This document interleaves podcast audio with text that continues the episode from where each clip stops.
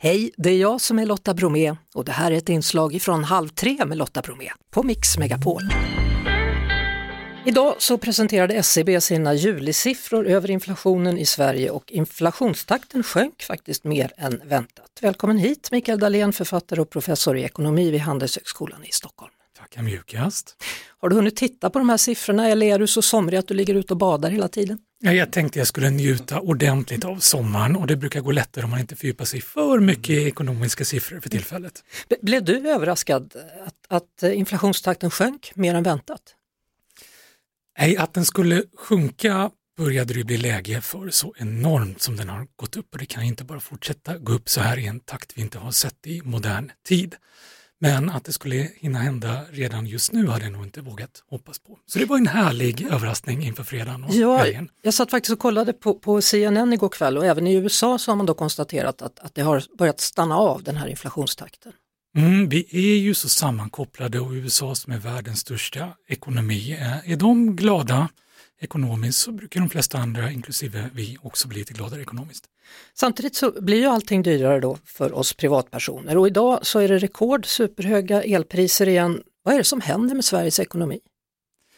Den går bakåt jämfört med den helt bisarra, jag saknar andra adjektiv, eh, för utvecklingen den haft under pandemin. Vi har varit med om den ja, snudd på största natur och samhällskatastrofen eh, de senaste generationerna och samtidigt har ekonomin gått framåt med sju mila kliv så det ska inte kunna hända egentligen.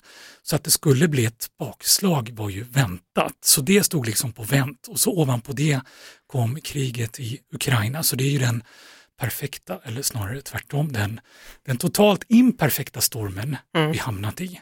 Så hur ska man känna nu då? Kommer det bli bättre eller sämre framöver? Det kommer bli bättre.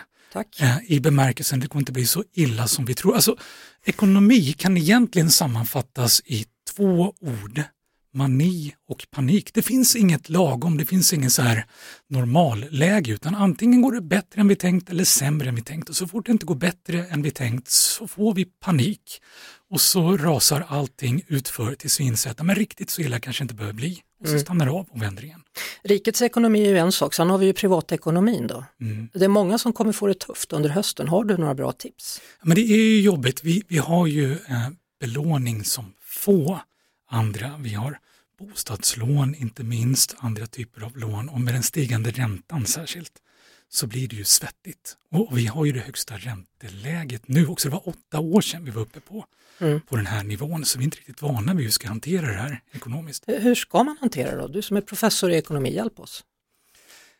Ja, men vi, vi ska inte bli för stressade, inse att det är inte för evigt det här. Det kommer nog inte vara så jättelänge överhuvudtaget. Och ju mer stressade vi blir, desto värre gör vi det för oss själva. Ekonomin är alla vi människor tillsammans. Så drar vi i handbromsar och börjar bete oss helt annorlunda så påverkar andra som påverkar andra som påverkar oss mm. och så vidare. Så lite is i magen är viktigt att komma ihåg att just nu befinner vi oss nog i det absolut värsta läget. Det kommer vända. Har börjat vända, fick jag nyss lära mig.